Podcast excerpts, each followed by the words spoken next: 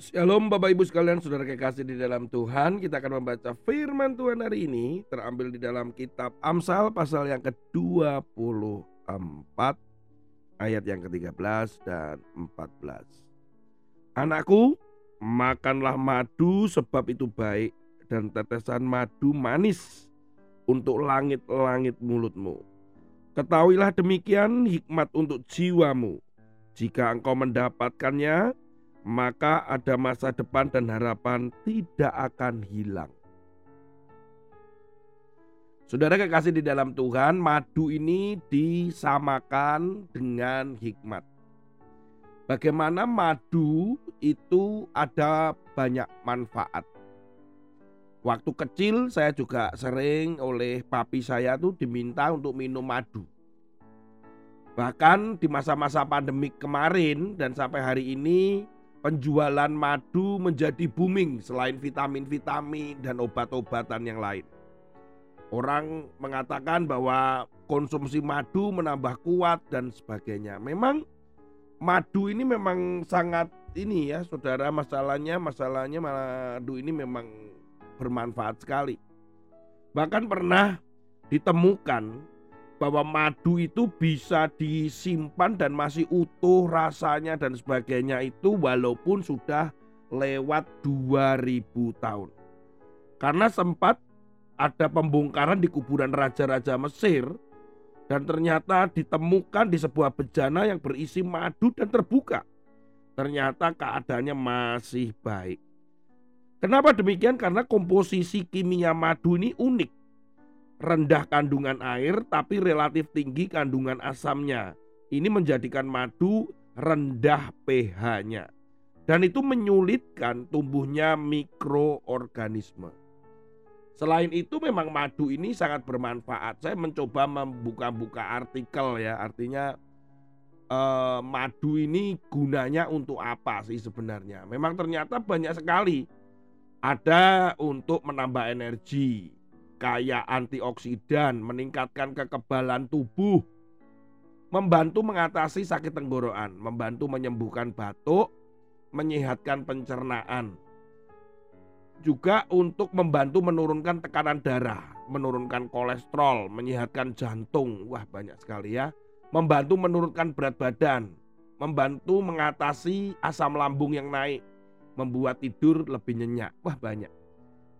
Saudara, tetapi madu tidak boleh sembarangan diminum begitu saja karena juga madu setelah orang makan madu atau minum madu ternyata nggak boleh langsung tidur. Nggak boleh dicampur dengan kalau dikatakan di sini adalah tidak boleh dikonsumsi dengan dipanaskan dan minyak samin itu nggak boleh. Dan madu itu juga tidak boleh setelah minum atau makan madu selanjutnya makan makanan yang memiliki kandungan gula tinggi. Nah ini juga masalah. Saudara madu yang bermanfaat ini penggambaran adalah hikmat yaitu firman. Jadi memang bermanfaat, banyak manfaatnya sudah. Oleh karena itu dikatakan kalau engkau mendengarkan firman atau engkau memiliki hikmat, maka engkau akan punya harapan. Wah, ini penting kaitannya dengan harapan.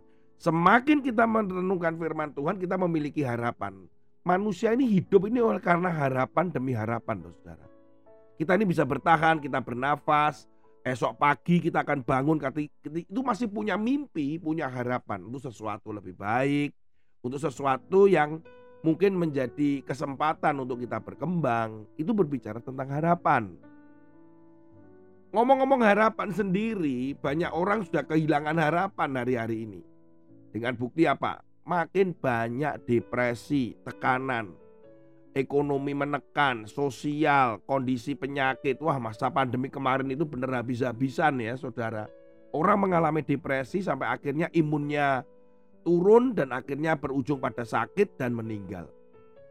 Karena memang sepertinya nggak ada harapan. Orang yang memiliki harapan itulah orang yang mempunyai semangat.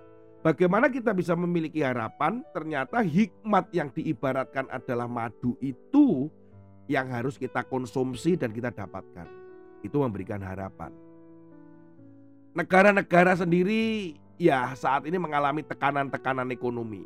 Tapi diharapkan supaya masyarakat tidak mengalami depresi. Tetap milikilah harapan. Menteri ngomong di TV, ngomong di media sosial tentang harapan. Kondisi apa pun tetap ada harapan. Apalagi kita berbicara firman Tuhan. Yesus dan semua Alkitab yang ditulis itu ada selalu tentang harapan, harapan, harapan. Harapan untuk merdeka, harapan untuk bertobat, harapan kehidupan kekal, harapan keselamatan, macam-macam. Saudara, orang yang kehilangan harapan, orang itu bisa bunuh diri. Orang itu bisa mengakhiri hidupnya dengan konyol. Negara yang paling depresi dicatat dalam sebuah artikel dikatakan Lituania ini negara yang dikatakan paling depresi. Kenapa? Karena tingkat bunuh dirinya itu tinggi sekali. 31,9 per 100 ribu orang itu meninggal. Bunuh diri.